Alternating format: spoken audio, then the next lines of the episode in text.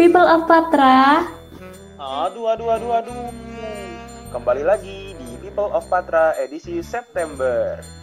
Sebelumnya, kenalin aku Arya, Patra 19054 dan Aku Sela, Patra 19064.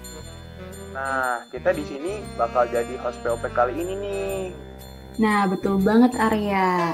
Nah, gimana nih masa Patra memasuki minggu kelima kuliah? Harapannya kalian tetap sehat jiwa dan raga ya. Nah, BTW pas banget nih, kali ini kita tuh kedatangan salah satu uh, masa Patra yang sangat inspiratif, khususnya di time manajemennya.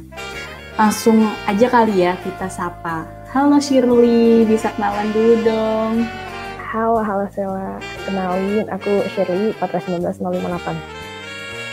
Halo Shirley. Halo Shirley. Halo, halo. Nah, kita kan udah kenalan nih. Nah, aku mau tanya dong, eh, kabar Shirley gimana nih? Mungkin kayak sekarang kesehatannya gimana? Lagi pandemi gini gimana keadaannya? Oke, eh, syukur-syukur sedang sehat ya. Secara fisik, secara mental, maupun secara PCR. Wah, alhamdulillah banget ya Syukurlah. uh, fisik sama jiwanya masih stabil gitu kan, nggak goyang gitu ya. Nah, berarti uh, sekarang aku mau nanya nih Sir, kan udah pada tahu ya semester 5 ini hektik banget. BTW Shirley itu lagi ada kesibukan apa sih Sir? Oh, oke. Sepertinya ini memang pertanyaan yang eh, belakangan ini aku sering dengar ya. Jadi eh, gini sih, kalau aku sih sibuknya masih ada sibuk akademik ya. Soalnya semester ini ngambilnya juga lumayan banyak SKS ya. Mendekati 24 tapi tidak 24.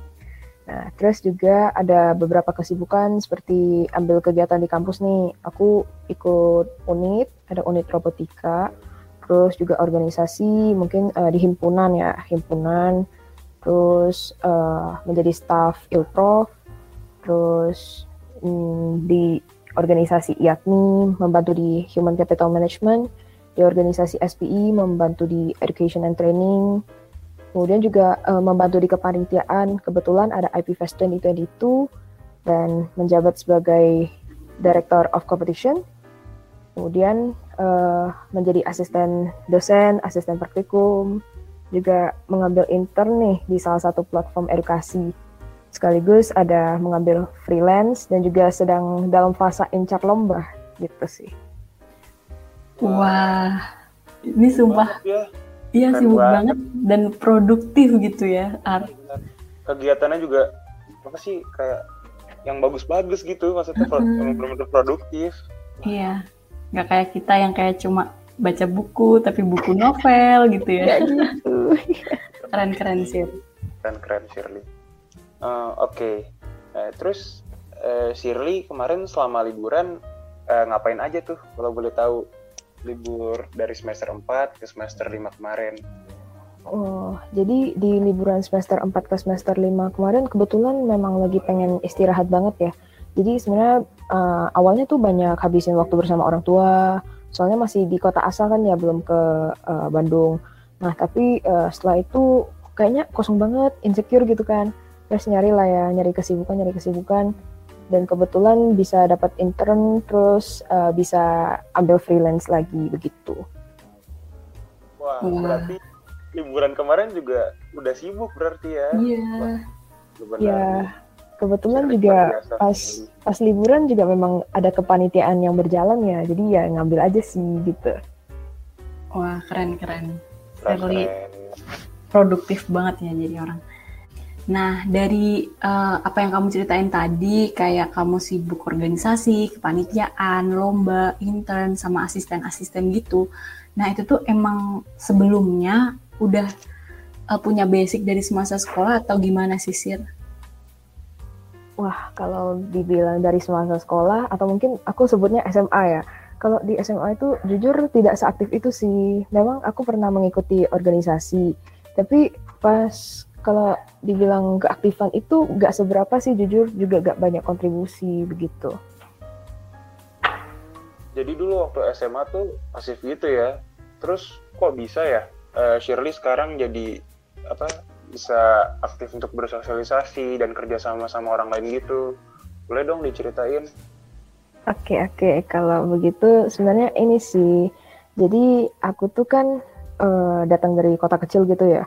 Terus kebetulan eh bisa masuk ITB nih.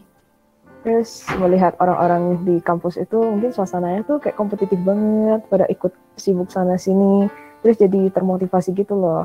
Jadinya kayak merasa sebenarnya nggak boleh cuma fokus akademik. Jadi boleh banget langsung kita ke sosialisasi. Terus uh, ikut kepanitiaan terus biar kenal lebih banyak orang gitu. Jadi nggak cuma di zona nyaman gitu. Wah, bener banget sih, Sir. Kita harus keluar dari zona nyaman ya. Kalau dulunya kita pasif, terus kita berada di kehidupan yang kompetitif, bisa dibilang gitu, kita harus ngikutin gitu. Kita juga harus uh, apa? Menyesuaikan diri ya, ya. menyesuaikan diri. Benar banget.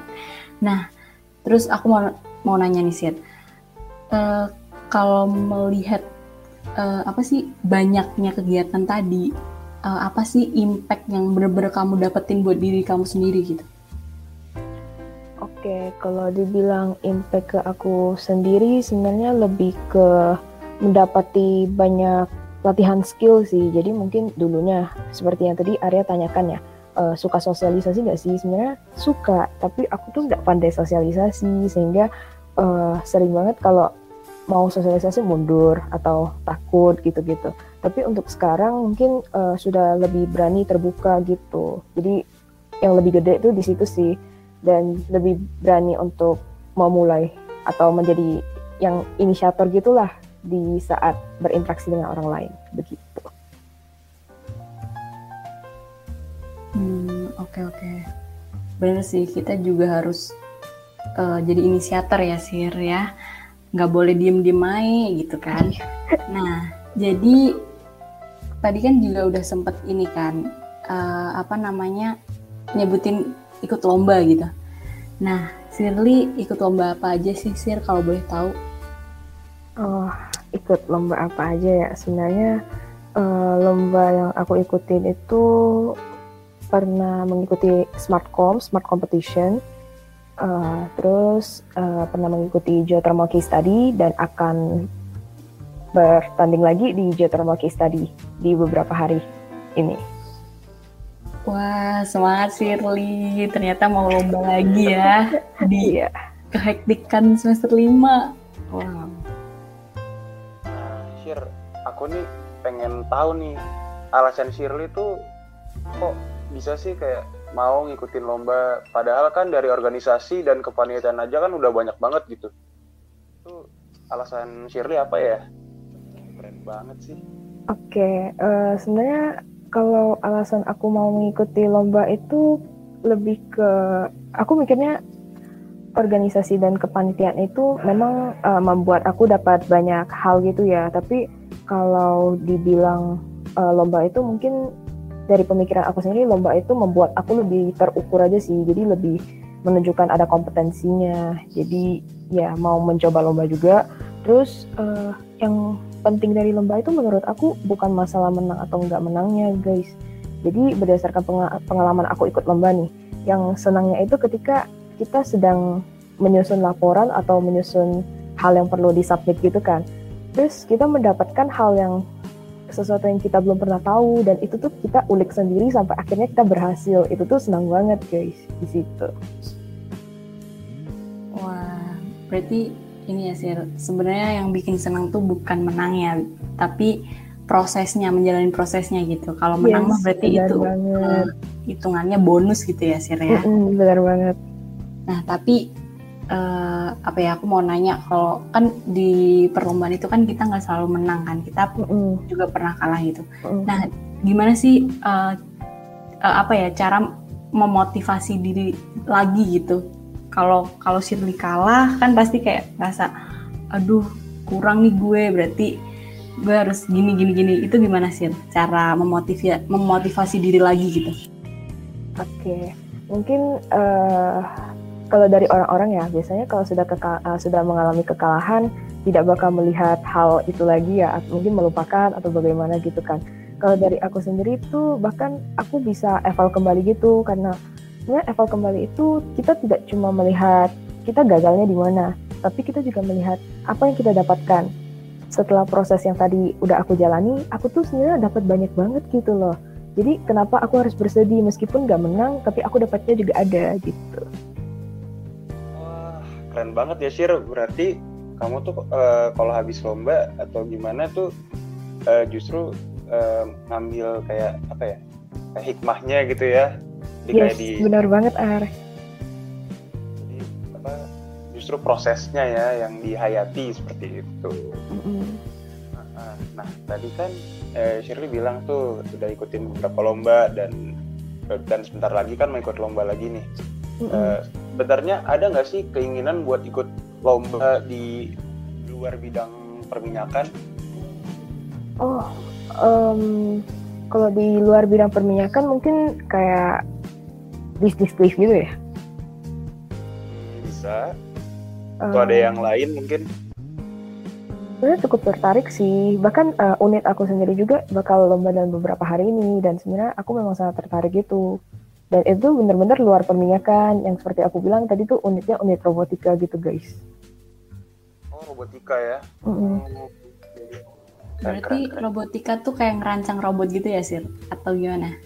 Ya, sejujurnya ya kayak robotnya tuh dirancang dari nol gitu kan. Tapi tuh uh, kalau aku tuh divisinya mekanik, jadi aku tuh bantu-bantu ya bagian mekanik. Tapi ya sebenarnya mungkin hanya bisa membantu dari online. Harapannya yang kali ini aku bisa membantu secara online gitu.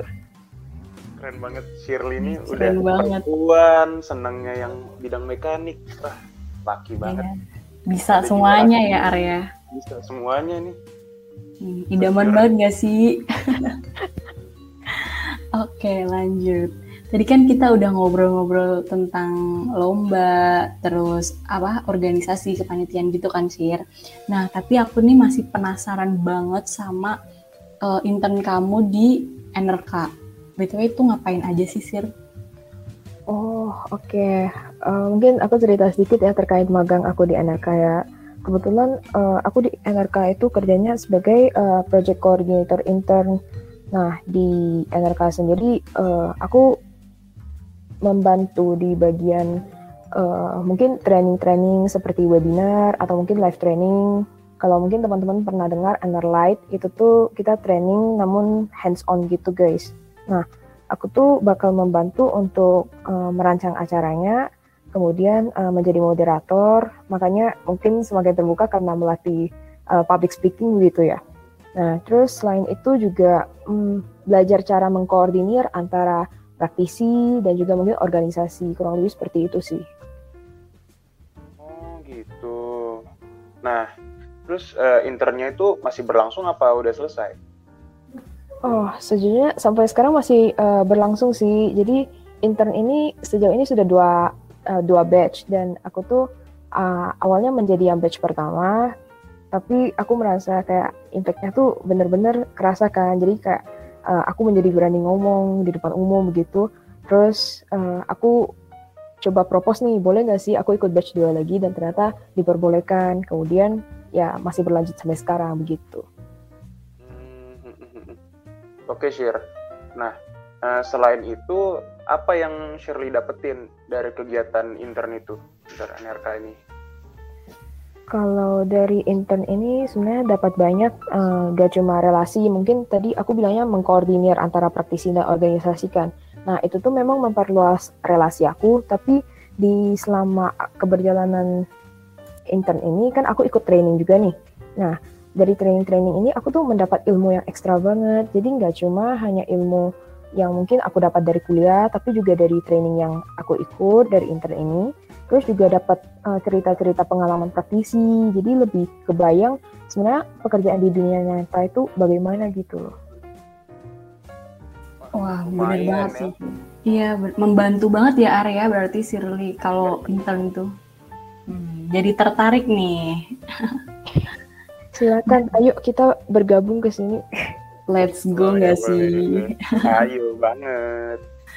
Tapi ini uh, tadi kan Siri juga sempat menyinggung kan Siri kayak per, eh, apa lagi apa jadi asisten gitu. BTW itu tuh asisten apa aja nih Sir? Oh oke okay. uh, kalau jadi asisten itu kebetulan aku menjadi asisten dosen dari uh, asisten mata kuliah sih asisten mata kuliah teknik panas bumi dan juga asisten praktikum uh, fisika dasar begitu. Oh, terus itu tuh apa sih alasan yang mendasari kamu milih pengen jadi asisten TPB sama apa namanya asprak apa fisika dasar gitu? Uh -uh. Uh, kalau yang membuat aku jadi asisten itu sebenarnya lebih ke karena aku menyadari kekurangan gitu loh.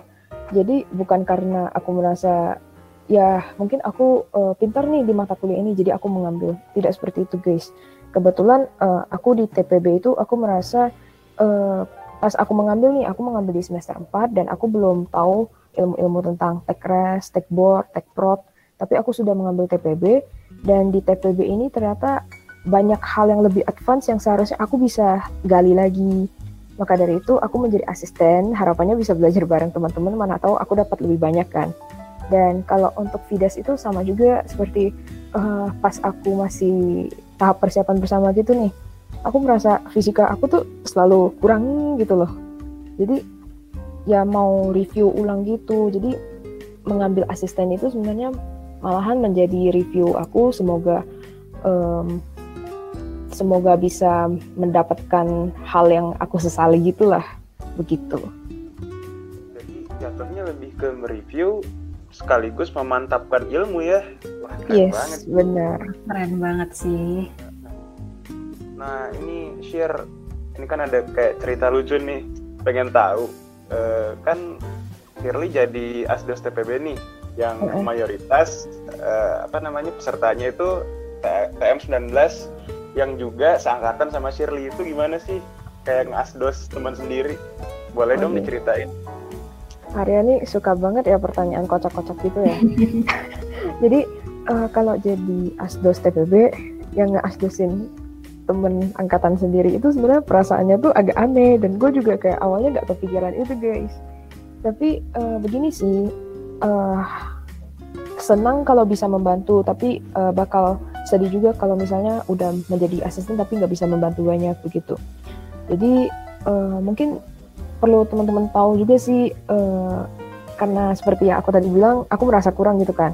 Jadi uh, belum semuanya belum tentu semuanya aku bisa membantu. Tapi kalau misalnya ada apa-apa yang mungkin teman-teman perlu bantuan terus kontak aku itu gak apa-apa banget. Aku bakal usaha sebanyak mungkin untuk nanya-nanya mana tahu bisa membantu kalian. Kurang lebih seperti itu. Wah makasih banyak Desir. Atas tawarannya ya. Tentunya Nah, uh, kan Shirley udah panjang lebar menjelaskan kesibukannya apa aja nih. Tapi pernah nggak sih Sir kayak suatu ketika tuh Shirley ngerasa capek, chaos gitu? Pernah nggak sih? Wah, oke. Okay. Uh, eh, kalau dibilang capek sih setiap saat itu capek banget ya.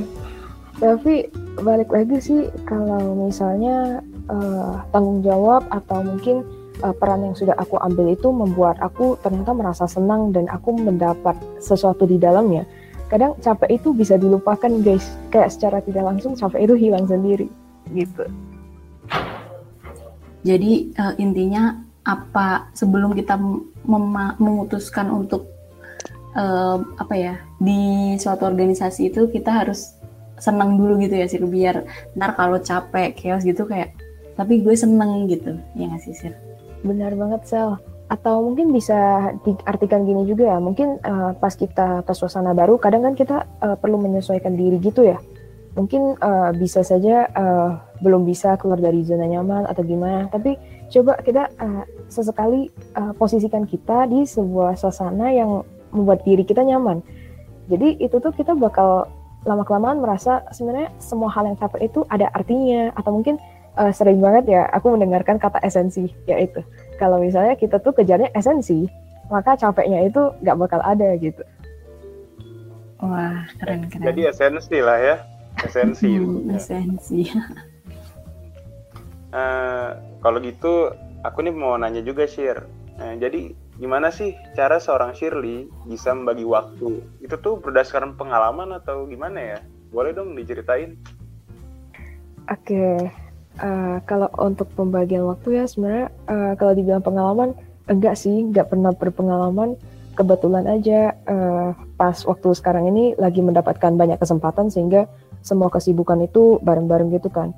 Tapi uh, kalau untuk pembagian waktu menurut aku lebih ke kalau kalau sudah tahu apa yang akan dikerjakan ke depannya, mungkin seperti proker atau apanya, yang bisa dipersiapkan terlebih dahulu, siapkan saja sebelum hari hanya tiba. Terus uh, itu tuh uh, biar antisipasi, biasa kan sering kali ya kita tuh mendapat request mendadak, mendapat, eh Shir, ini bantu dong, eh Shir, ini uh, coba diselesaikan yang ini gitu kan. Ada ada aja yang mendadak gitu kan. Nah, untuk mengantisipasi tambahan mendadak, jadi coba yang tidak mendadak itu malahan diselesaikan pas kita lagi waktu kosong. Itu tuh uh, yang bisa aku kepikiran sih, gitu. Wah, membantu banget ya. Jadi kita harus kalau selagi kosong terus uh, ada deadline, eh, enggak deadline sih, ada kerjaan, ya udah bikin aja dulu gitu. Nah, terus uh, aku mau nanya juga nih, Sir. Kan pasti semua yang kamu rencanakan tuh kan gak mulus sesuai dengan jadwalnya gitu kan. Mm. kan pasti pernah ada yang tabrakan, terus ha, apa sama-sama penting gitu kan. Dan mm. itu pun gak bisa ditinggalin kedua-duanya. Nah, itu tuh gimana sih Sir cara kamu uh, mengatasi permasalahan kayak gitu? Oke, okay. uh, eh, kalau misalnya nih benar-benar ada kasus yang jadwalnya nabrak, itu tuh menurut aku uh, sebaiknya jangan diambil kedua-duanya sebaiknya tapi mungkin sering kali uh, karena sekarang online ya jadi sering kali orang juga udah kayak double meet aja double meet aja atau triple meet triple meet gitu kan ya itu memang udah sering kali terjadi tapi uh, kalau dari aku sendiri ya jujur memang tidak efektif gitu mau double meet mau triple meet memang kehadiran kita ada tapi uh, kinerja atau performa kita tuh nggak bakal efektif gitu loh nggak bakal uh, membantu uh, siapa pun di sana atau bahkan nanti menjadi beban aja jatuhnya. Nah, kalau misalnya uh, kasusnya nabrak nih, aku mikirnya sih lebih ke ini sih. Kan, kan tadi sudah ada mungkin persiapan dulu sebelumnya ya. Nah, uh, lebih ke antisipasi terjadinya jadwal bentrok. Jadi coba cari cadangan seperti uh, yang kerjaan yang aku handle nih. Aku tuh usahakan teman-teman aku juga tahu kerjaan aku. Jadi di saat aku belum bisa hadir karena bentrok atau gimana pun itu tuh ada yang bisa menggantikan aku seperti begitu karena biar tetap jalan aja gitu loh acaranya. Jangan sampai karena aku sendiri malah menghancurkan acara atau uh, merusak begitu. Bener-bener itu bener banget sih share memang kalau memang apa sih kita tuh ada kegiatan yang bertabrakan atau gimana memang kita nggak boleh lari dari tanggung jawab kan? Ya satu-satunya cara adalah kita mungkin mencari pengganti dari kita yang jadi acara itu tetap berjalan dengan lancar lah ya. Oh iya. Uh, kan tadi tuh Shirley udah cerita banyak ya dari awal. Nah, dari itu semua tuh uh, aku boleh tahu nggak? Jadi motivasinya Shirley tuh buat bisa aktif dan bisa ngejalanin semua tanggung jawab itu tuh gimana sih? Apalagi sekarang lagi pandemi gini nih. Uh, di mana kalau lagi sekarang kan gak, apa ya orang tuh cepet banget buat demot dan gak mood mau aktif di banyak tempat. Boleh dong share uh, di share motivasinya okay. yang lain juga bisa apa ya bisa ikut termotivasi juga gitu uh, mungkin ini ya kalau yang aku kepikiran sekarang itu lebih ke coba kita pikirkan kembali kenapa sejak awal kita mengambil tanggung jawab ini atau kenapa sejak awal kita uh, mau terjun ke bidang ini gitu.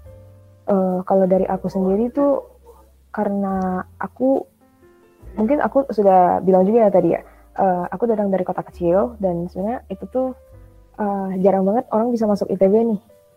Terus kebetulan nih uh, mendapat paparan cerita dari kakak ting uh, kakak kelas aku katanya uh, kamu harus nyoba sih. Kemudian juga mendapat dorongan dari guru, dari keluarga yang akhirnya aku pernah mencoba dan berkesempatan untuk menjadi mahasiswa ITB nih. Ya, mungkin lebih terima kasih ke mereka ya. Kalau bukan mereka, aku mungkin nggak di sini juga sekarang. Ya, jadi setelah aku benar-benar keterima di ITB itu aku merasa karena aku diterima orang lain malahan gak diterima begitu loh. Karena seperti yang aku bilang uh, kota kecil susah untuk diterima gitu. Karena memang ada kesenjangan sendiri lah biasanya kan. Nah terus kalau misalnya aku sudah mendapatkan kesempatan yang jauh lebih bagus dibanding teman-teman lain aku harus mempertahankan dengan baik dong. Oleh karena itu uh, di ITB itu nggak nggak boleh aku cuma jadi mahasiswa kupu-kupu kuliah pulang kuliah pulang gitu harus mencari kegiatan yang memang bermakna lah gitu dan ketika kita menjalani sesuatu dengan senang, pasti semuanya bermakna dong ya. Nah, oleh karena itu, jadinya harus bertanggung jawab, terutama kita juga yang mau mengambil. Lagian juga udah bukan anak kecil, jadi ya udah mengambil, bertanggung jawab deh. Semuanya ada mulainya, maka harus ada selesainya, begitu. Wah, sangat, sangat apa ya, membuka mata kita lah ya Arya. Kalau sebagai eh selayaknya mahasiswa tuh kita harus uh, bisa lah mengatur waktu antara akademik dan lain-lainnya gitu.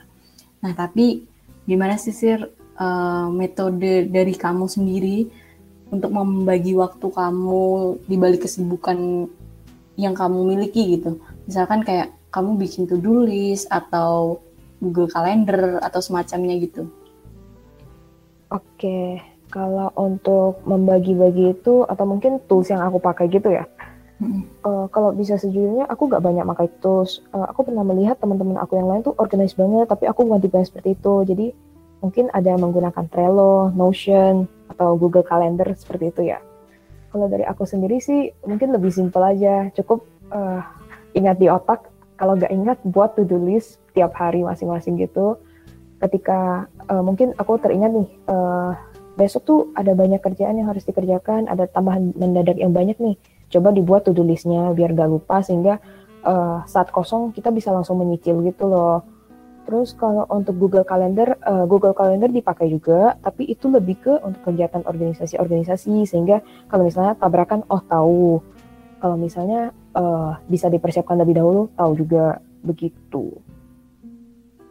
Oke oke, berarti metode-metode tadi tuh ya apa tips and trick pak ya supaya hmm, bisa memanajemen waktu apa uh, manajemen waktu kita gitu. Aku pastinya bermanfaat banget sih. Tapi nah. uh, mungkin sedikit saran ya buat yang mendengarkan jangan mencontohi kehidupan aku yang tidak organize. Menjadi organize itu benar-benar sangat membantu, tapi mungkin karena memang kebiasaan aku ya. Jadi aku juga susah untuk berubah begitu. Oke deh, siap siap siap. Nah, eh, kan sekarang nih kayaknya udah di penghujung nih. Tapi sejauh ini keren banget nggak sih Sel apa narasumber kita nih pada malam hari ini.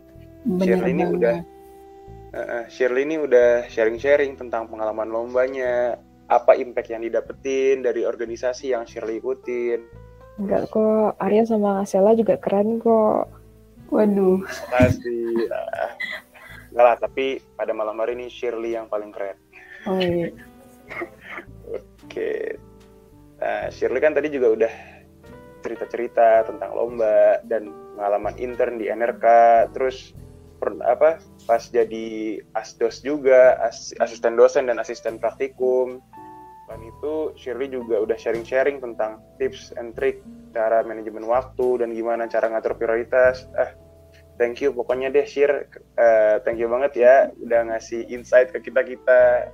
Pastinya bermanfaat banget sih buat kita dan pendengar semua ini pasti pasti dapat manfaatnya Bener banget. Tapi sayang banget nih, guys. Kita udah di penghujung podcast dan tapi sebenarnya apa ya perbincangan kali ini tuh seru banget dan nggak pengen diakhiri gitu loh tapi ya uh, durasi kita tidak mencukupi mungkin kita bisa ngobrol-ngobrol lain waktu kali ya uh, aku mau ngucapin terima kasih banyak buat Shirley atas sharing-sharingnya tadi yang sangat inspiratif dan semoga uh, bermanfaat buat pendengar podcast uh, Patra ini ya Arya. Oke. Okay. Iya, bener banget. Mungkin Thank you, Sir. aku juga mau mengucapkan terima kasih nih buat teman-teman semua yang sudah memberikan aku kesempatan ini ya. Eh, sebenarnya kalau mau dibilang eh, teman-teman lain yang memiliki manajemen waktu yang lebih baik dari aku pastinya ada gitu loh. Jadi gak cuma aku dan mungkin semoga bisa membantu buat teman-teman yang mendengarkan. Ambil saja yang baiknya. Kalau misalnya memang ada yang buruk, gak dicontohin gak apa-apa banget. Terima kasih semuanya dan juga mohon maaf bila ada salah ya. Yeay, terima kasih Sirli. Nah, eh, terima kasih buat pendengar podcast People of Patra edisi September. Semoga uh, apa sharing apa yang kita bagikan hari ini sangat bermanfaat buat kalian. Terima kasih dan sampai jumpa di People of Patra edisi selanjutnya.